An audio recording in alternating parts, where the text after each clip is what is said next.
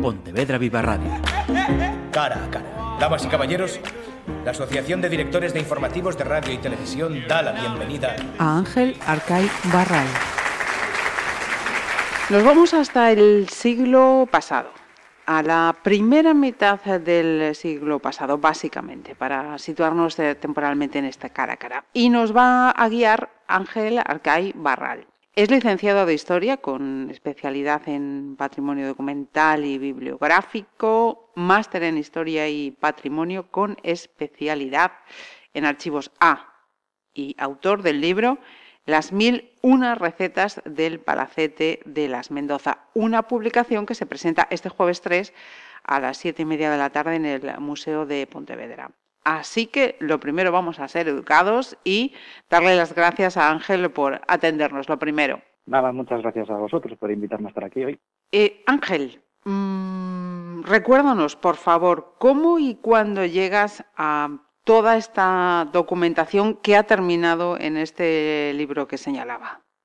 Pues llegué hace bastantes años ya, hace casi 10 años, que pasé una época ahí viviendo en Pontevedra con, con un tema de un trabajo y me hablaron de las Mendoza. Me habló un amigo de las hermanas Mendoza, me empezó a contar sus historias y, claro, me picó la curiosidad. Entonces, visitando el museo y demás, vi la, colección de piezas que tenían allí de ellas y a mí lo que más me llamó la atención pues fueron esos recetarios, esos libros de cocina, que para que la gente se haga una idea, pues son las típicas libretas que tenemos todos en casa donde vamos anotando las, las recetas que hacemos en nuestras cocinas y que claro, estas eran las de las Mendoza, así que ya os podéis imaginar pues cómo están llenas de, de comentarios, de chascarrillos y de, y de recetas de todo el mundo, claro. Ángel, inicialmente estas eh, recetas las habías publicado en, en, un blog, ¿no? O sea, que primero tuvieron una visibilidad digital y luego te decides a, a llevarlas al, al, papel. ¿Cómo fue ese, ese tránsito? Sí, yo había empezado, bueno, cuando estaba en Pontevedra hice la transcripción de estas recetas, porque al final, bueno, están escritas a mano, con varios idiomas al mismo tiempo y demás, y era un poco complicado de entender, entonces hice la transcripción, y sí que durante unos años, allá en el 2015 más o menos, eh, tenía un blog en el que iba comentando algunas de ellas. Entonces, pues cada, no sé, cada semana a lo mejor cuando podía, publicaba una receta y explicaba un poco, pues, curiosidades de ella. El tema es que, bueno, yo soy, soy historiador, y siempre me ha gustado el tema de la investigación y demás, y llevé este tema a un par de congresos, uno en la Universidad de Coimbra y otro en Santiago, y todo el mundo me decía que tenía que publicarlos, que los recetarios eran tan particulares para la época en la que estaban hechos, que sería bueno que se diesen a conocer todos en, en conjunto, vamos, y sobre todo a raíz del congreso este de Santiago hubo un profesor que me insistió bastante, que me marcó incluso varias reuniones con editoriales y demás, lo que pasa que entre pandemias y todo esto, pues no daba salido adelante y al final, pues ya el año pasado autopubliqué un libro con unos amigos que nos gustó bastante el resultado, me gustó esto de, autoeditar y decidí sacar adelante pues este libro de las recetas, tirando también otra vez de amistades para que contextualizaran el libro con diferentes relatos. Em, nos quedamos con ese datiño porque luego le, preguntaré. Antes quería saber también, Ángel, ah, a través de todo ese trabajo investigador eh, que, llevas y que has estado haciendo, ¿cómo, ¿cómo llegó toda esta documentación, estos recetarios a los fondos del museo? Pues porque a la muerte de las hermanas, ellas depositan, bueno, ya lo habían hecho en vida también, buena parte de sus, de todos sus recursos, de todos los objetos que tendrían en su palacete y demás. De hecho, bueno, me voy a anticipar un poquito, pero creo que a finales de este mes y durante un tiempo Vamos a, se va a hablar bastante de las hermanas Mendoza en el museo, se está preparando una exposición con sus piezas y creo que la gente va a descubrir, pues eso, quiénes eran las mujeres más modernas de la Pontevedra del siglo pasado. Bueno, pues ya me evitas la última pregunta de, de, esta. no, no, no, no, no. Me alegra, porque yo tenía la, la, la duda, pero efectivamente, parece ser que a final de mes va a haber esa esa exposición. Estos días en, redes sociales están compartiendo ya bastantes objetos y bastantes piezas que pueden formar parte de, esa exposición y la verdad que estamos deseando que se inaugure para poder ir a, verlo. Perfecto. Formalmente, ya también nos has dejado caer alguna cosita, son escrituras de, caligrafía muy cuidada, están estructuradas, quiero decir, pues eran muy ordenadas ellas. Primero, pues vamos a poner recetas de con qué comenzar un aperitivo. Luego pasamos, ¿cómo es formalmente todo, todo este patrimonio documental?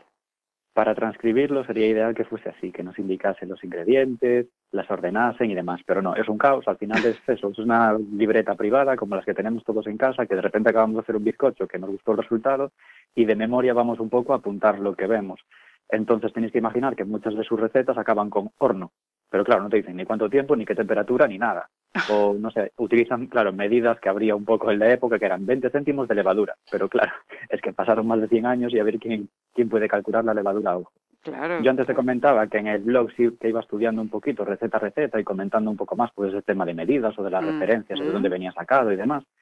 Pero aquí en el libro sí que me vi con esa duda de si presentar una a una, ir explicando una a una, o realmente dejárselas a la gente así en, en bruto, digamos, y que sean los lectores los que vayan investigando en cada una de las recetas. De hecho, Ana Vega, que es una de las que hace las introducciones del libro, dice que este recetario es como asomarse a la puerta de la cocina, pero yo creo que no pasamos al interior.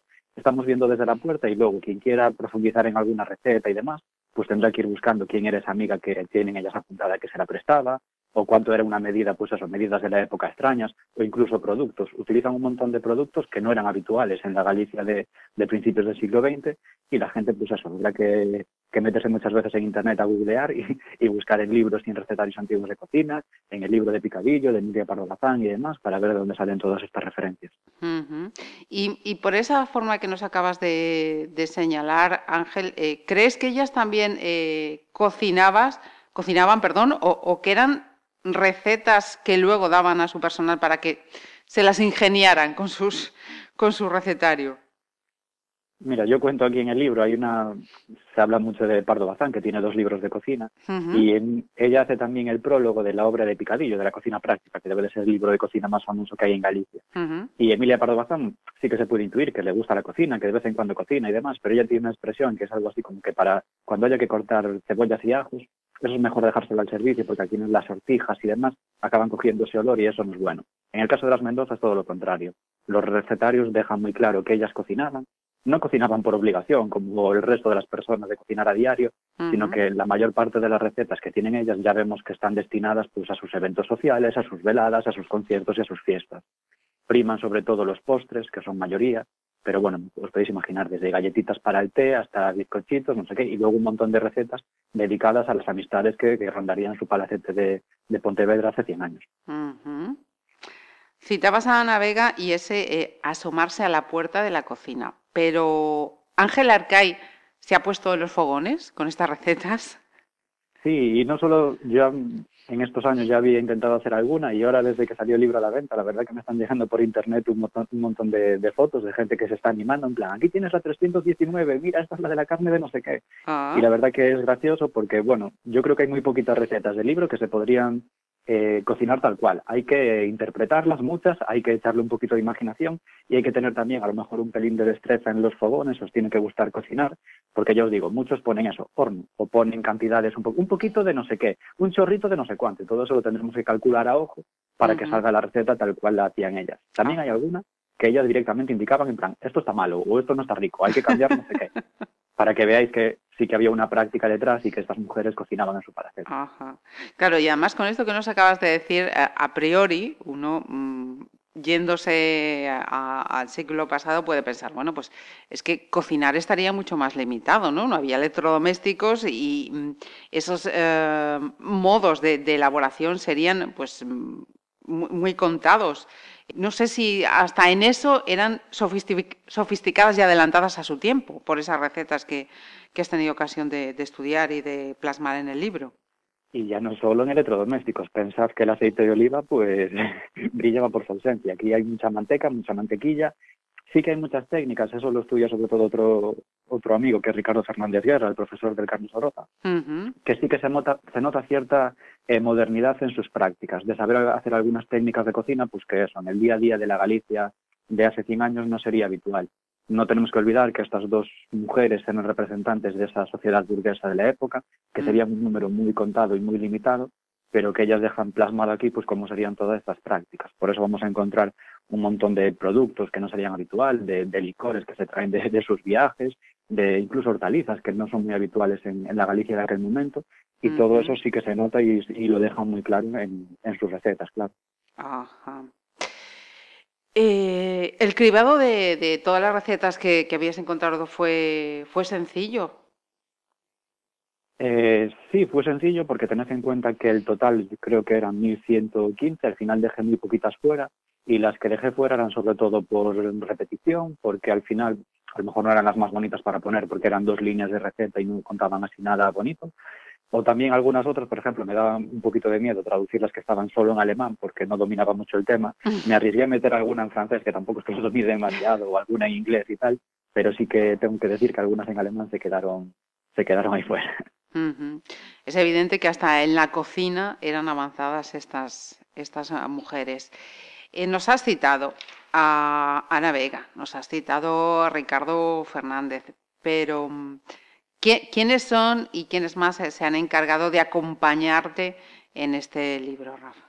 Pues mira, la primera de todo en llegar fue Ana Vega, que ella tiene un, proyecto junto a otras compañeras que se llama Los Recetarios y que buscaban precisamente eso, tratar de recuperar los antiguos recetarios que todos tenemos en casa, porque muchas veces no le damos importancia, pero bueno, para la historia de la cultura y para la historia de la gastronomía, pues no dejan de ser unos documentos fundamentales, claro.